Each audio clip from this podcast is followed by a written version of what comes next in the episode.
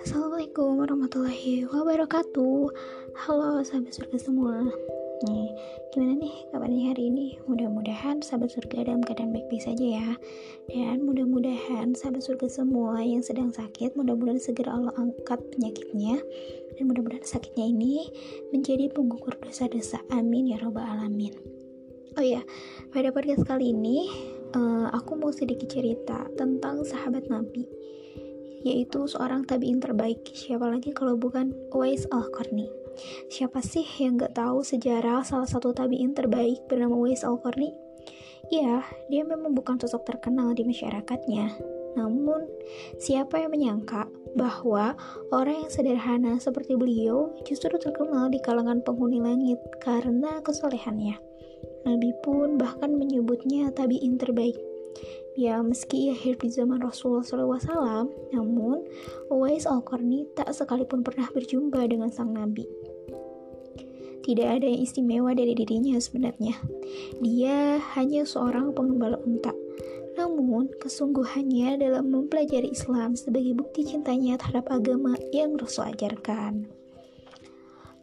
Hingga ia memiliki hasrat untuk berjumpa dengan Rasul dia ingin sekali menuju Rasulullah ke Madinah dan menemani perjalanan jihad Rasulullah SAW.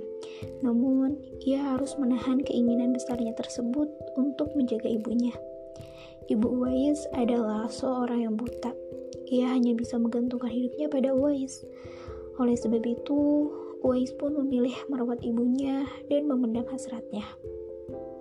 Kemudian ketika sang ibu tahu betapa besarnya cinta Awis kepada Rasulullah dan keinginannya berjumpa dengan Nabi, dia pun meridoinya untuk pergi berjumpa dengan Rasul. Kemudian Uwais pergi ke Madinah. Tapi Allah berkehendak lain. Ketika itu Nabi tidak ada di Madinah. Beliau sedang di luar Madinah hingga Uwais pun tak berjumpa dengan Nabi. Pada akhirnya, ia pun memutuskan untuk kembali ke Yaman dia teringat dengan pesan sang ibu untuk segera kembali. Meski keinginannya untuk menunggu kedatangan Rasul, namun ia lebih memilih untuk berbakti kembali kepada ibunya. Kemudian, berita kedatangan Uwais Al-Qarni sampai kepada Rasul melalui wahyu. Dan inilah bukti bahwa Uwais Al-Qarni dikenal oleh seluruh penghuni langit. Hingga ia pun terkenal di kalangan para sahabat. Meski tak pernah berjumpa dengan Rasul hingga mati syahid di perang Siffin bersama Ali, Allah pertemukan ia dengan Rasulnya di surga. Inilah, inilah salah satu kisah orang yang dikenal oleh penghuni langit karena kesolihan, kebaikan, rasa berbakti kepada kedua orang tuanya, dan rasa cintanya terhadap Allah dan Rasul. Doanya selalu dikabulkan oleh Allah. Setiap kali ia melaksanakan sholat, ia selalu memanjangkan ruku dan sujudnya. Bahkan Rasulullah pun mengatakan kepada para sahabatnya untuk meminta doa dan istighfar untuk Wais Al-Qarni. Sahabat surga semua, begitu indahnya ketika kita dikenal oleh penghuni langit. Siapa yang tak ingin terkenal di kalangan penghuni langit karena kesolehan dan kebaikan? Bahkan Allah telah memberikan kisah ini sebagai teladan bagi kita. Kita juga bisa dikenal oleh penghuni langit dengan syarat kita memataskan diri. Apa saja yang membuat kita dapat dikenal oleh penghuni langit? Uwais Al-Qarni terkenal dengan kesalihan dan zuhudnya. Kemudian ada Bilal bin Rabah terkenal karena ia menjaga wudhu hingga Rasul mendengar terompahnya di surga. Kemudian Aisyah terkenal karena kesabarannya ketika difitnah. Bahkan Allah mengabadikan kebenaran Aisyah di dalam Al-Quran.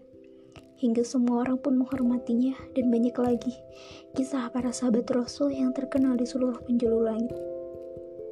Jujur, ketika membaca kisah-kisah para sahabat, hanya satu yang terlintas di benak. Saya pun ingin sekali dikenal di penghuni langit.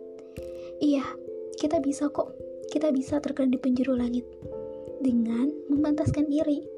Lalu dengan cara apa? Yaitu memperbaiki kualitas ibadah. Seberapa besar kita libatkan Allah dalam setiap urusan kita di dunia? Iya, seberapa besar kita libatkan Allah dalam setiap langkah kehidupan kita. lihatlah kembali kisah para sahabat dan tabi'in yang mereka pun dikenal oleh penghuni langit. Mereka serahkan segala kehidupan dan kematian mereka hanya kepada Allah semata. Lalu, bagaimana dengan kita?